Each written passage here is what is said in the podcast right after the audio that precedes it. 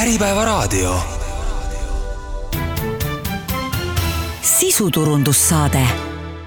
tervist ja tere kuulama sisuturunduse saadet, minu nimi on Hando Sinisalu ja seekordses saates tuleb juttu väikeettevõtetest ja väikeettevõtetele suunatud konverentsfestivalist Südi. südi toimub juba teist korda ja seekord siis viiendal märtsil Viimsi Artiumis ja Südi on unikaalne formaat, kus on omavahel ühendatud konverents erinevate inspireerivate ettekannetega,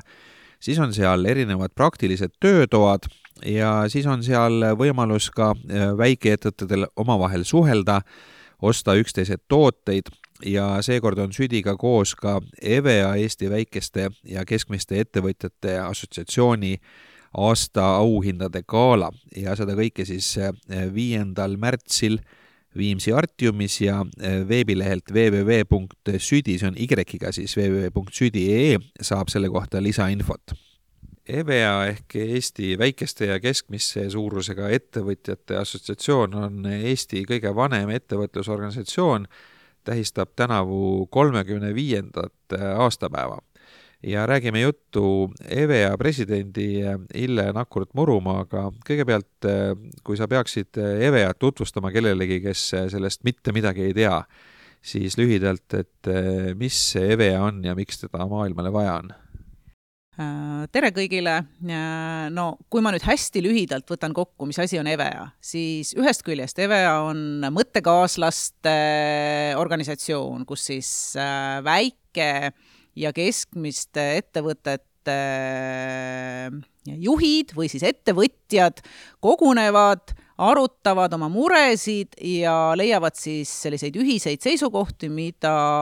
ühiskondlikult nii avalikkusele kui riigile välja öelda. ja teisest küljest, noh, nii nagu kõik mittetulundusühingud, äh, siis meie ka äh, esindamegi oma liikmeid suhetes äh, riigiga, ehk me teeme niisugust heas mõttes lobitööd ja üritame siis väikeettevõtlust ja, ja väikeettevõtluse selliseid võimalusi elus hoida. no millises seisus Eesti väikeettevõtjad täna on, et kui, kui proovida anda hinnang nende tervisele või selle valdkonna heaolule, et mis seisus nad on? Äh, ühest küljest, arvestades seda, milline on täna majanduse olukord, siis ega väikeettevõtjate olukord ei ole mm, ülemäära kiita, aga teisest küljest, olles ikkagi paadunud optimist, saan ma öelda, et väikeettevõtja on nagu kass, kellel on üheksa elu, et kõik need koroonakriisid, äh, majanduskriisid, noh, ühest küljest nad võivad isegi ju mingi hulga ettevõtjaid tappa aga tegelikult väikeettevõtja on äärmiselt visa tegelane ja kui talle võimaluse anda, siis see, kellel on ikkagi see ettevõtluspisik veres, hakkab reeglina jälle uuesti tegutsema, nii et olukord ei ole ülemäära halb, on mõned sektorid, kus asjad on kriitilised, aga keskmiselt siis väikeettevõtjal, ma arvan, ei lähe sugugi halvemini kui suurel ettevõtjal nojah, see optimism on vist äh, selline asi, mis iseloomustab kõige paremini äh, ettevõtjat üldse, sest kui, äh, kui sa ei usu paremasse tulevikku, sa ei usu sellesse, et sul ettevõte kasvab, siis sa ei hakkagi sellega üldse tegelema, siis sa valid mingi stabiilsema palgatöö näiteks. aga mis need suurimad väljakutsed täna on, noh, majanduskriis on selline üldine, mis mõjutab meid nagu kõiki aga kas on ka spetsiifiliselt mingid erilised äh, väljakutsed või probleemid, mis äh, väikeettevõtjaid rohkem puudutavad? Äh, no kindlasti tänases olukorras on meil kaks võib-olla sellist põhiprobleemi, üks on siis see, et noh, tõepoolest raha on läinud kallimaks, mis tähendab, et väikeettevõtja ligipääs noh, klassikaliselt ütleme siis sellisele äh, rahale on, on nagunii halvem kui suurel aga ütleme siis oluliselt tõusnud intressid on seda veelgi halvendanud, mis tähendab, et täna ikkagi väikeettevõtja saab loota eelkõige ainult iseendale ja oma väikesele sellisele varule, kui tal seda veel on ja, ja see tähendab seda, et lihtsalt investeerimisvõimekus täna võib-olla on väga tagasihoidlik. ja, ja teine probleem, noh, kasutan siin äh, avalikkusele teada-tuntud inimese Rein Langi niisugust äh, head mõtet, ehk äh, väikeettevõtluse peamiseks piduriks on ikkagi see ABS ehk siis see administratiivbürokraatlik süsteem. see tähendab seda, et bürokraatia tapab väikesi ettevõtteid mõtteid just sellise noh, ütleme arengu ja, ja innovatsiooni poole pealt päris tõhusalt, et kui kogu aur kulub vileks, ehk me möllame ja majandame selles keerulises bürokraatia rägastikus, mida tuleb aina juurde, siis tootlikkuse tõus jääb ikkagi helesiniseks unistuseks mis see, mis see bürokraatia täpsemalt endast kujutab, et, ähm, et äh, too, too mõni näide, mis, mis siis ettevõtetele muret tekitab? No alustades kõikvõimalikest ähm, ma ei tea, loataotlustest, kooskõlastustest, ütleme äh, tohutult bürokraatlik süsteem kas või näiteks äh, eurovahenditele ligipääsul, aga ka kõige tavalisemad ähm, töösuhteid puudutavad sellised regulatsioonid, noh, seesama, me teame näiteks, et iga tööandja peaks olema, tagama oma töökeskkonnas töötajatele siis ohutud töötingimused ja tegema seal tervisekontrolli, aga kuigi riik teab suurepäraselt, et tervisekontrolli väljaspool suuremaid linnu teha on ülikeeruline, sest lihtsalt teenusepakkujaid ei ole, noh, selle asemel, et leida sisulisi lahendusi, keeratakse vinti peale ja eelmisest aastast jõustus siis veel täiendav äh, selline bürokraatlik kohustus, et lisaks tervisekontrollile peavad tööandjad tegema ka, äh, tellima veel ühe analüüsi teenusepakkujatelt, keda pole olemas. No EVE aktiivselt ka teeb äh, lobitööd ja proovib siis mõjutada seadusandlust selles suunas, et ettevõtluskeskkond oleks parem, et mis, mis teemad on, mis laual on ja millega te ka seadusandjate poole eh, pöördute, et, et mis tuleks teie arvates muuta, teisiti teha, et ettevõtluskeskkond oleks eh, soodsam just eh, väikeettevõtetele? no tegelikult noh, õnneks või kahjuks on muidugi riigijuhtidel siin jätkuvalt käed-jalad tööd täis erinevate teemadega, noh, alles lõppes riigieelarve selline pikk protsess koos sellega kaasas käiva obstruktsiooniga, noh, täna nüüd muidugi kõigi riigijuhtide pilgud on õpetajate streigil, aga selle kõige kõrval, noh, mida me väikeettevõtjate poole pealt ikkagi rõhutame? Äh, esiteks, juba enne käesoleva valitsuse ametisse astumist me rõhutasime maksudebati vajadust, et see, mis meil nüüd siin värskelt toimus, selline noh, ad hoc ma ei tea, maksukonkurss, kes pakub parema maksu, et see ei ole maksudebatt. et loomulikult väikeettevõtjad saavad aru, et äh, olemasolevate äh, võimalustega kõiki neid ulmelisi soove rahuldada pole võimalik, ehk see on üks teema, ehk maksuseadused tuleb ikkagi üle vaadata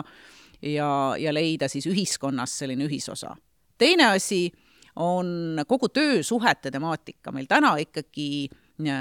töösuhteid reguleerivad õigusaktid, nii töölepingu seadus kui töötervishoiu ja tööohutuse seadus, on väga arhailised, nad on äh, väga kaldu äh, noh, ütleme siis, ma isegi ei taha öelda töötajate poole, vaid nad on pigem nagu sellised tohutult kohmakad ja keerukad ja, ja kui me jätkame samas vaimus ja, ja selle asemel, et kogu asja süsteemselt üle vaadata, jätkame seal nii-öelda pöidlakruvide panemist tööandjatele, siis olukord ei muutu, see tähendab seda, et tööandjate motivatsioon töökohti luua on noh, ikkagi väga pärsitud. No üks, üks teema, mis on ka pikalt üleval olnud, on just üksikettevõtjate sotsiaalsete garantiide teema, et äh, juhatuse liige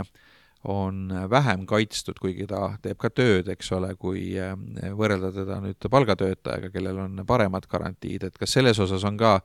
mingeid ideid, kuidas seda olukorda võiks parandada? no siin tuleks tegelikult riigil väga selgelt tunnistada endale, et Äh,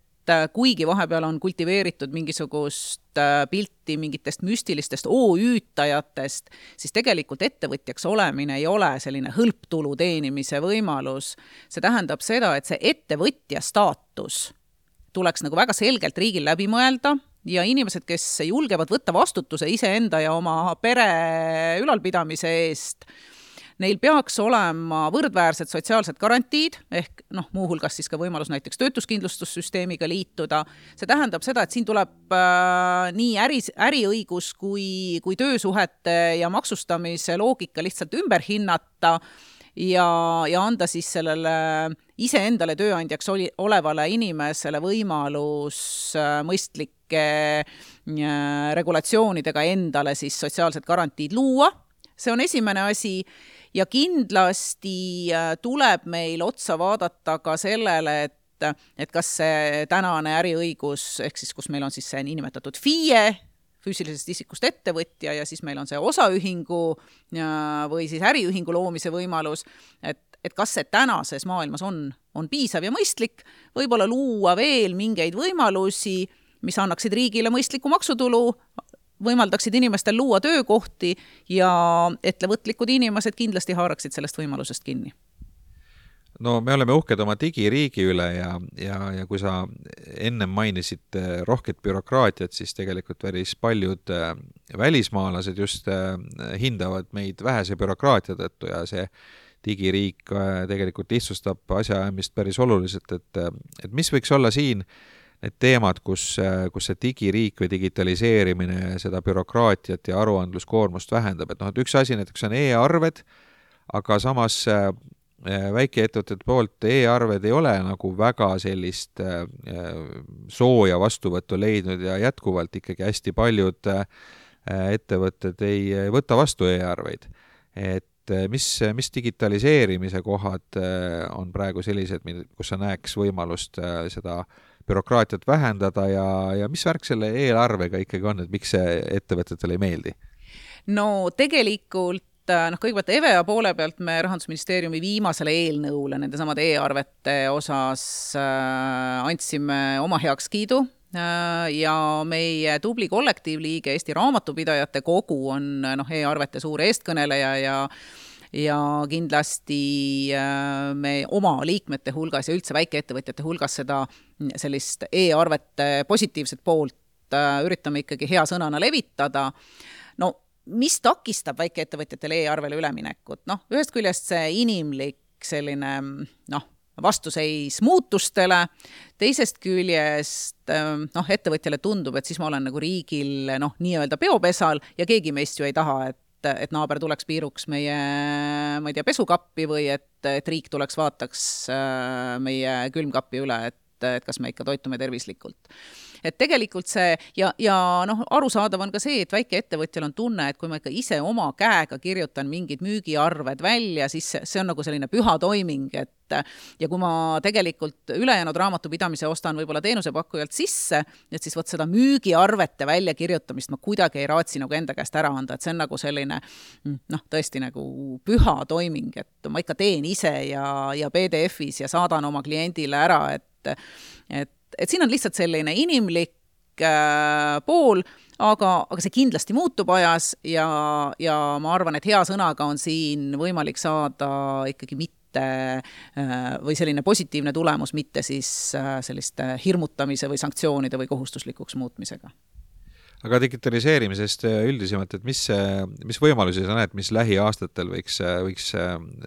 jõustuda ja, ja minna nii-öelda massidesse ja mis lihtsustaks asjaajamist ja vähendaks äh, sellist bürokraatiat ja administratiivkulu? Äh, bürokraatiat vähendaks kõigepealt see, kui riik oma erinevad e-keskkonnad, noh, sõltuvalt ettevõtja tegevusvaldkonnast või sektorist, on ju vaja kasutada väga paljusid erinevaid e-keskkondi, noh, alustame e-maksuametist, lõpetades siis Tööinspektsiooni iseteeninduse või e-PRIA või või Keskkonnaameti teatud selliste lehekülgede või Transpordiametiga, kus su sõidukid on kirjas, et kui need e-keskkonnad omavahel ühilduksid ja piisaks nii-öelda ühest sisse logimisest sellest, et selleks, et hõlpsasti kasutada kõiki riigi e-teenuseid, siis ma arvan, et väikeettevõtjaid äh, tuleks kohe riburada pidi juurde, kes hakkaksid neid mõnusaid e-teenuseid palju paremini kasutama. Ja, ja noh, tegelikult siin riik peaks lihtsalt ise näitama nagu sellist initsiatiivi üles ja, ja lõpetama selle igaüks oma liivakastis mängimise no me oleme rääkinud äh, päris pikalt äh, probleemidest ja väljakutsetest, aga, aga meenutaks seda ka, mis hästi on, et, äh, et mis täna on sellist Eesti just väikeettevõtluskeskkonnas, mille üle võiks rõõmu tunda, mis hästi on, mis võib-olla on paremini kui, kui, kui naabritel või mujal? No loomulikult meie au ja uhkus ikkagi see, et meil on väga lihtne alustada ettevõtlusega tegelemist, et äh, kui ma tahan saada ettevõtjaks, siis tegelikult see ettevõtte asutamine või enda siis FIE-na registreerimine võtab aega loetud minutid. et kui mul täna tuleb mõte, et ma soovin äh, olla ettevõtja, siis nende juriidiliste formaalsuste kordaajamine on imelihtne, mis tähendab, et igaühel on võimalus kätt proovida, noh, kõik ei õnnestu mõned ebaõnnestuvad, aga, aga just see alustamise lihtsus ja tegelikult noh, ütleme siis ka nõu saamine kas või näiteks Töötukassalt äh, või, äh, või mõnelt teiselt äh, riigi selliselt noh, ütleme konkreetse valdkonna esindajalt, on ikkagi päris lihtne, et, et see on igaühele kättesaadav ja, ja see ikkagi annab võimaluse, et need, kes päriselt siis on ettevõtja hingega, et need leiavad oma võimaluse räägime eh, EVEA aasta kõige tähtsamast konkursist ka, mille nimi on Eesti ettevõtlik vaim. Ja sellega siis tunnustatakse just nimelt väikeettevõtjaid erinevates kategooriates, et äh, räägi sellest konkursist, et mis selle konkursi eesmärk on? no meie ettevõtliku vaimu konkurss on, on väga pika ajalooga, kui mu mälu mind ei peta, siis sel aastal ta toimub äkki kolmekümnendat korda ja, ja selle konkursi eesmärk ongi siis ähm, esile tõsta seda väikeettevõtluse niisugust väärtust, ehk äh, igaüks saab olla ettevõtja, see tähendab seda, et noh, kõik ei saa võib-olla ajalehepoisist miljonäriks, aga aga lihtsalt igaüks saab olla ettevõtja ja, ja kui me tõstame esile neid, kes on mingites valdkondades tublid, siis see annab teistele kindlasti juurde indu ja annab nendele tublidele ka sellist noh, uhkustunnet, et olla uhke selle üle, mida sa oled teinud kui nüüd äh, vaadata seda praegu käimasolevat konkurssi, siis, äh, siis kuidas see konkurss käib, et kuidas see, äh, nende erinevate kategooriate võitjad valitakse ja, ja mis need kategooriad üldse on? No tegelikult konkurss on meil siis välja kuulutatud nii oma liikmete hulgas, Äh, siis sotsiaalmeedias ja, ja loomulikult igaüks, kes tunneb, et tahab siis esitada mõne tubli ettevõtte sellele konkursile, saab leida EVEA kodulehelt või, või ka meie sotsiaalmeediakanalitest siis need äh, kategooriad üles. Ja mida me oleme siis ajast aega ikkagi tunnustanud, noh, kõigepealt nii nagu väikeettevõtjatel üldiselt, et ikkagi see nii-öelda pere Äh, ühispingutus või panus, ehk me otsime siis sellist põlvkondade ühisjõudu või, äh, või ütleme siis äh, noh, sellist pereettevõtte eeskuju, noh, siis, siis loomulikult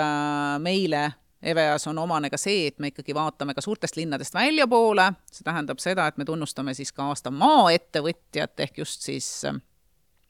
andes märku sellest, et ka väljaspool suuremaid linnu ikkagi äh, on tublisid tegijaid.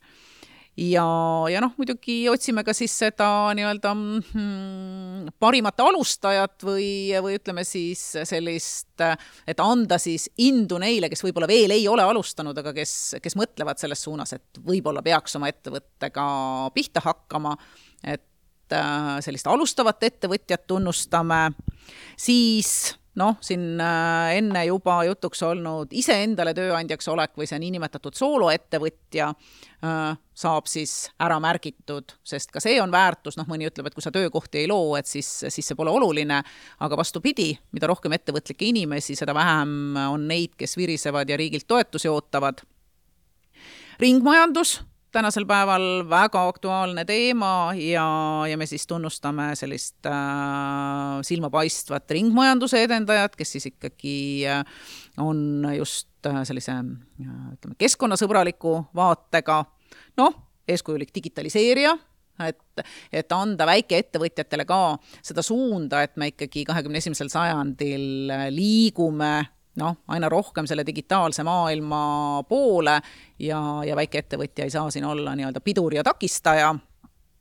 Ja, ja noh, koostöövedur on meil siis ka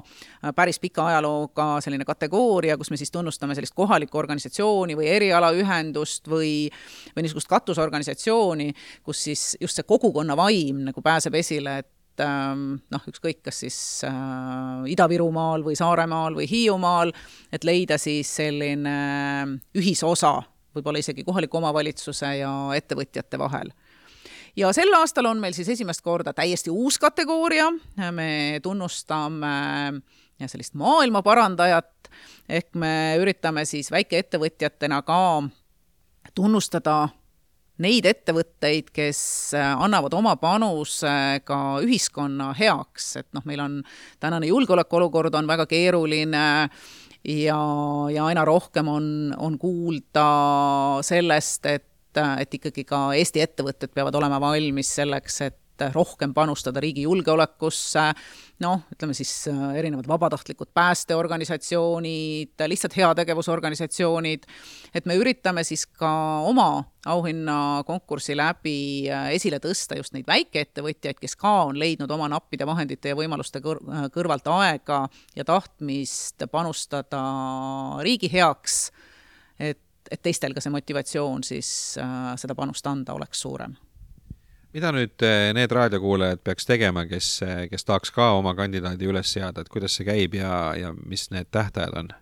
Äh, no praegu on meil siis tähtaeg kandidaatide esitamiseks on kümnes veebruar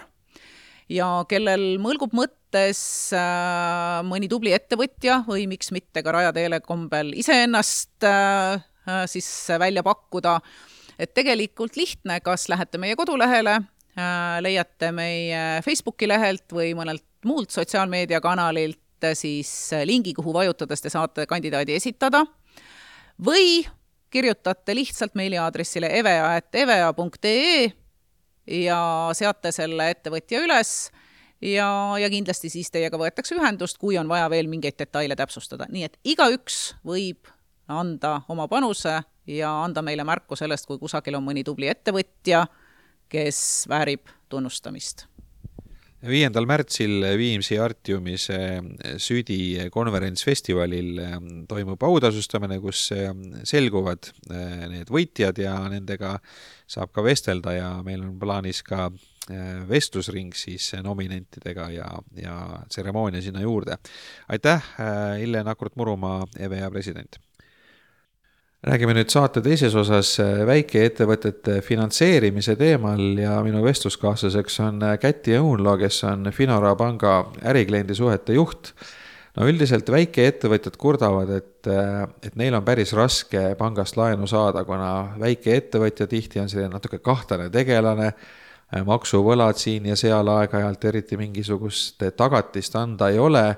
ja, ja pangad üldiselt vaatavad seda kui äh, üsna riskantset segmenti ja, ja isegi räägitakse selliseid lugusid, et kui, kui väikeettevõtja näiteks äh,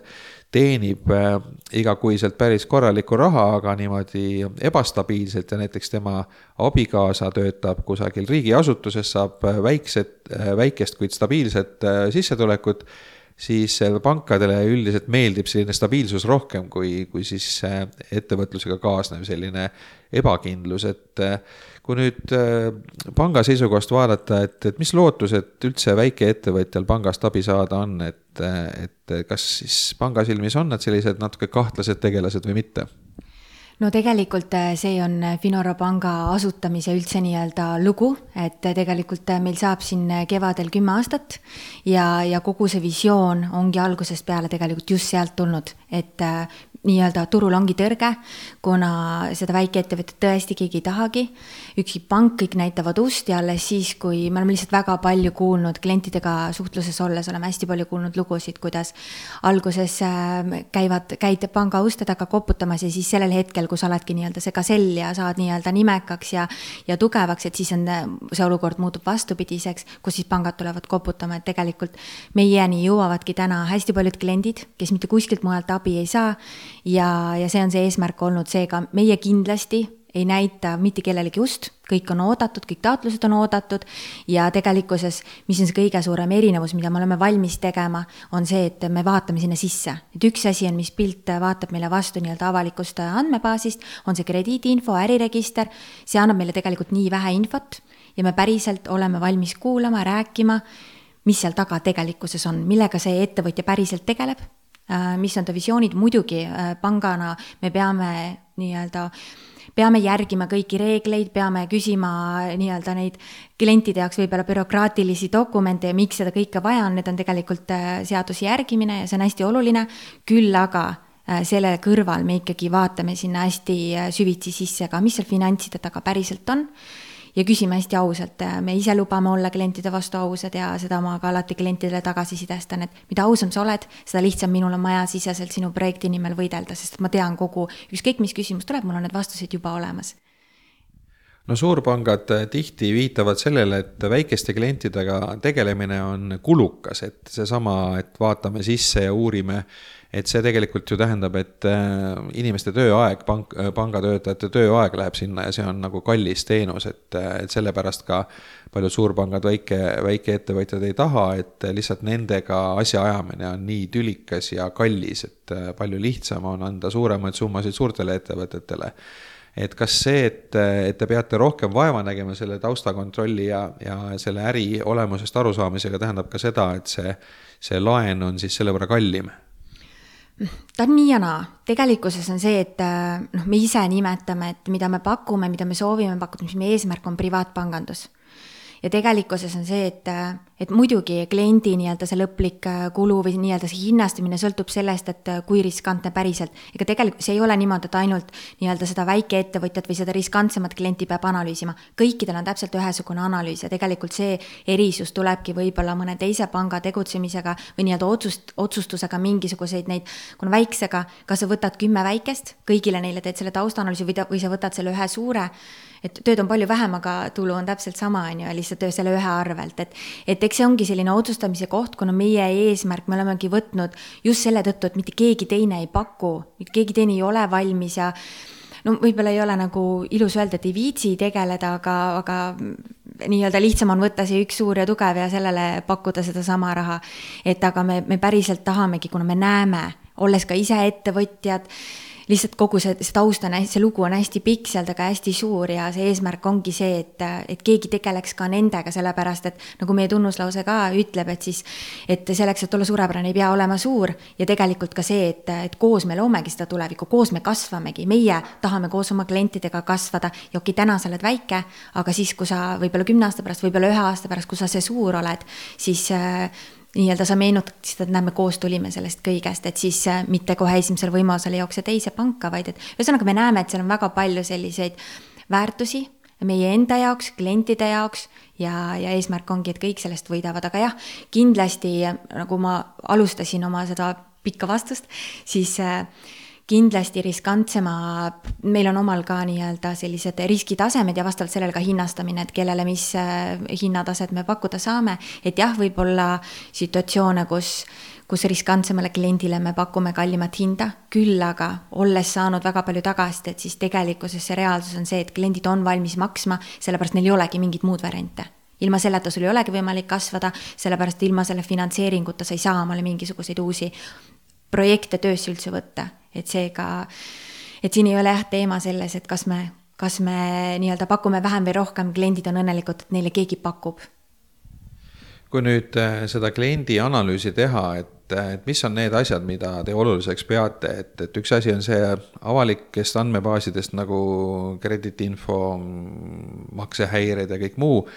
aga kui te nüüd sinna äri sisse rohkem süvenete, vaatate, et mis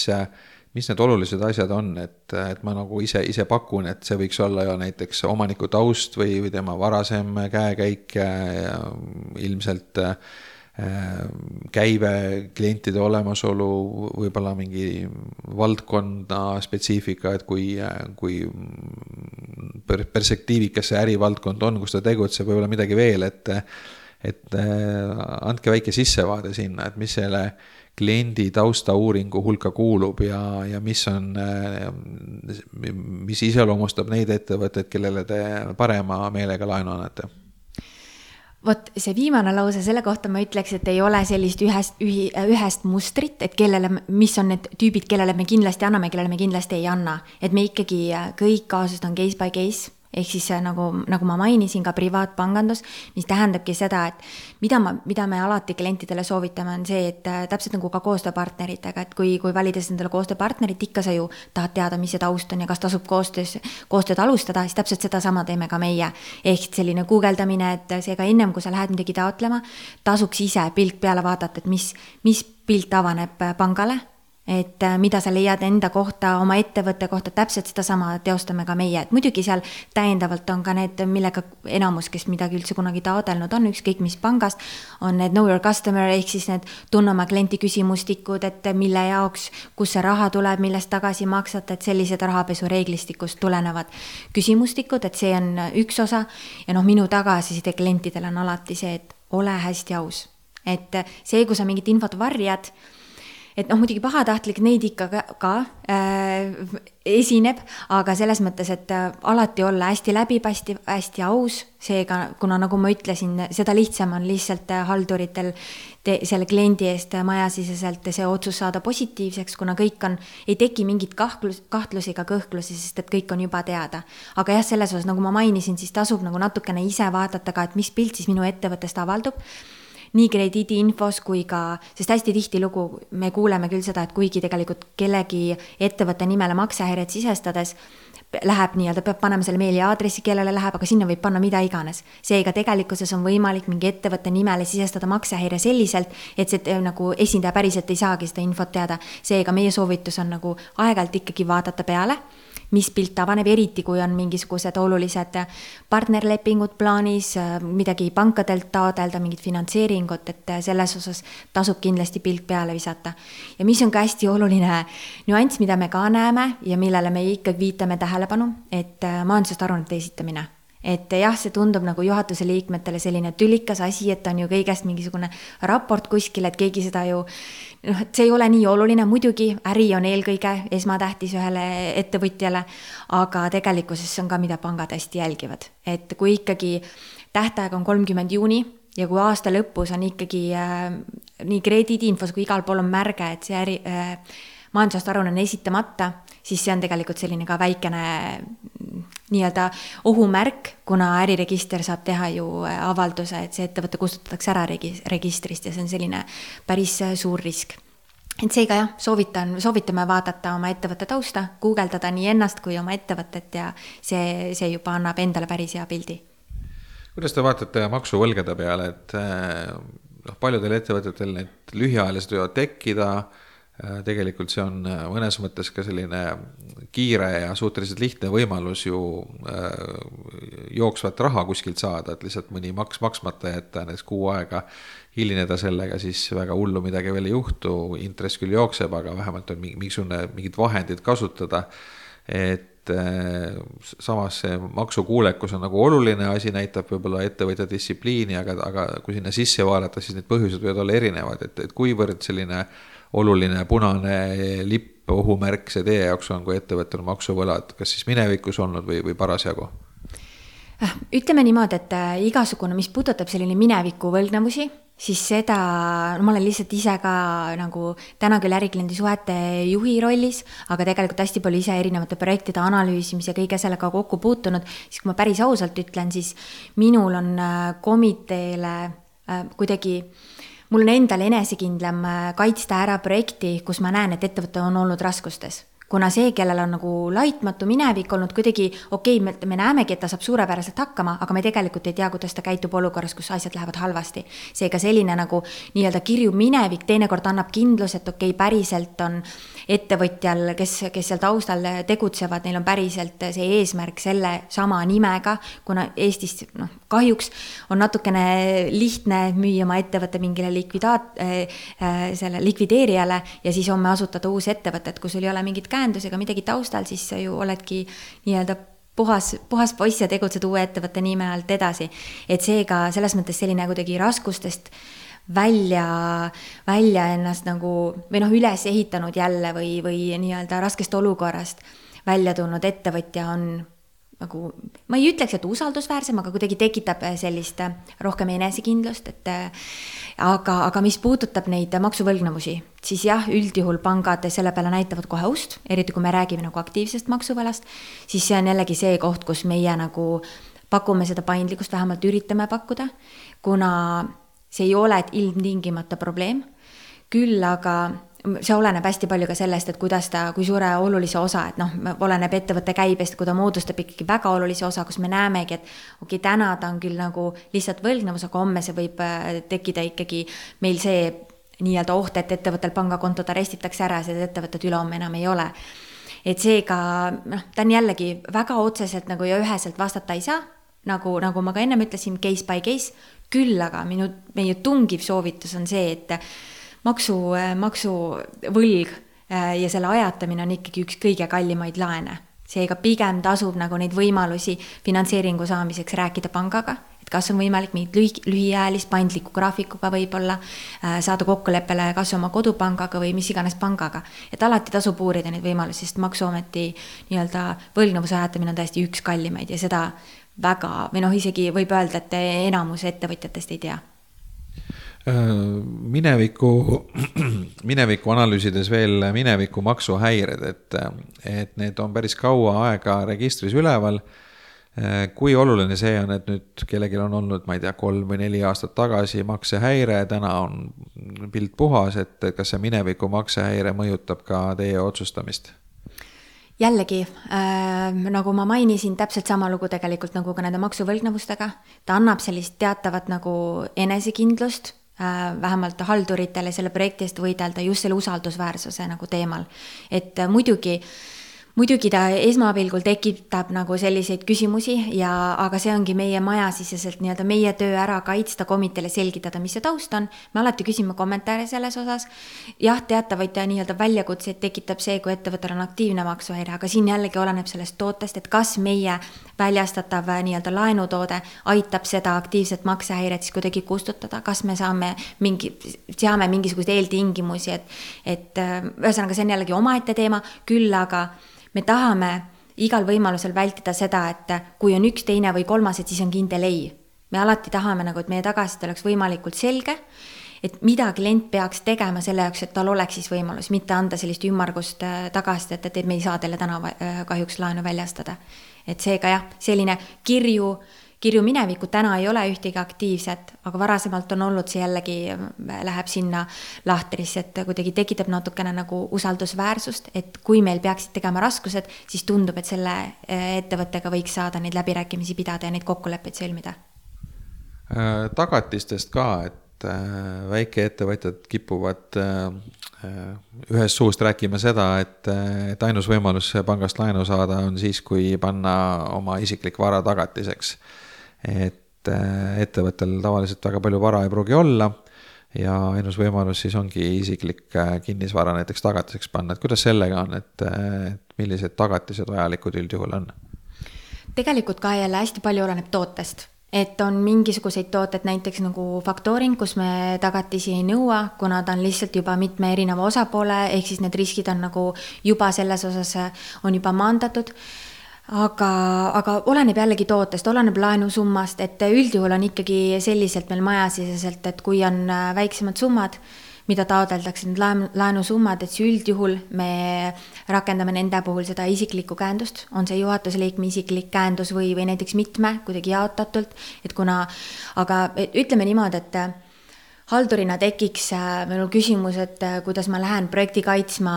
või, või nii-öelda seista kliendi eest, kes ei ole ise valmis nagu riske enda peale võtma, aga, aga ta samas ütleb, et oi-oi, ma olen aus ja, ja mul on head eesmärgid, aga samas ei ole ise valmis oma käendust andma, et kui asjad lähevad halvasti, et siis ma isiklikult ka, mitte siis varaga, aga nii-öelda vastutan selle eest, et see kohustus saab tasutud, et see pigem tekitaks nagu sellist ebausaldusväärsust, et miks meie peaksime selle riski võtma, kui sina ise ettevõtte juhina või juhatuse liikmena ei ole valmis seda võtma. et aga jah, sellised, ütleme niimoodi jällegi, ei ole sellist väga ühest vastust, ta hästi oleneb tootest, oleneb meie riskidest, perioodist, kõigest, kõigest sellest, aga jah, selles osas me oleme paindlikud. alati muidugi kliendiga koostöös peaks selguma see võimalik variant ja see, seega ka jälle alati ma klientidel palun ja soovitan olla nagu võimalikult avatud, et meie oleme hästi paindlikud ja erinevatel võimalustel avatud, aga seda täpselt sama ootame me ka kliendi poolt, et et isegi kui sul ei ole seda reaalset kinnisvara tagatiseks anda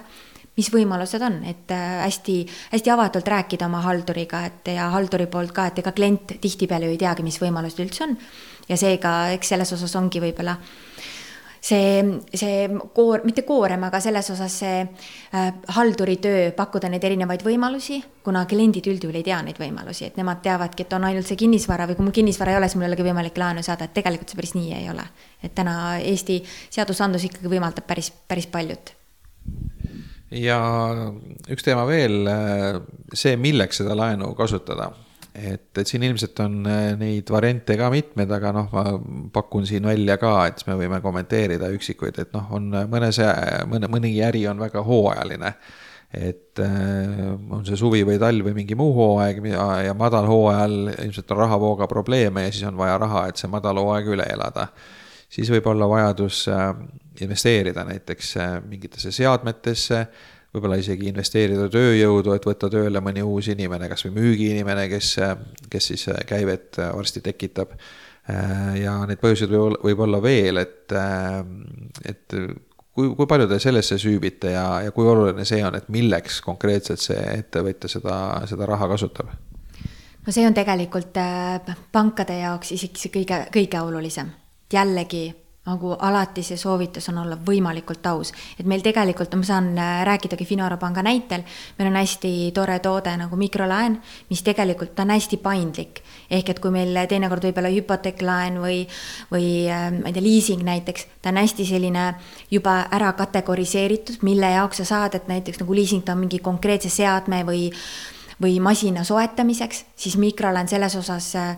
ongi võimalik võtta ka mikrolaene selle jaoks, et mul on siin paar keerulist kuud või ma ei tea, hooajas on, on langus, numbrid on maas, et mul on vaja töötajatele palka maksta.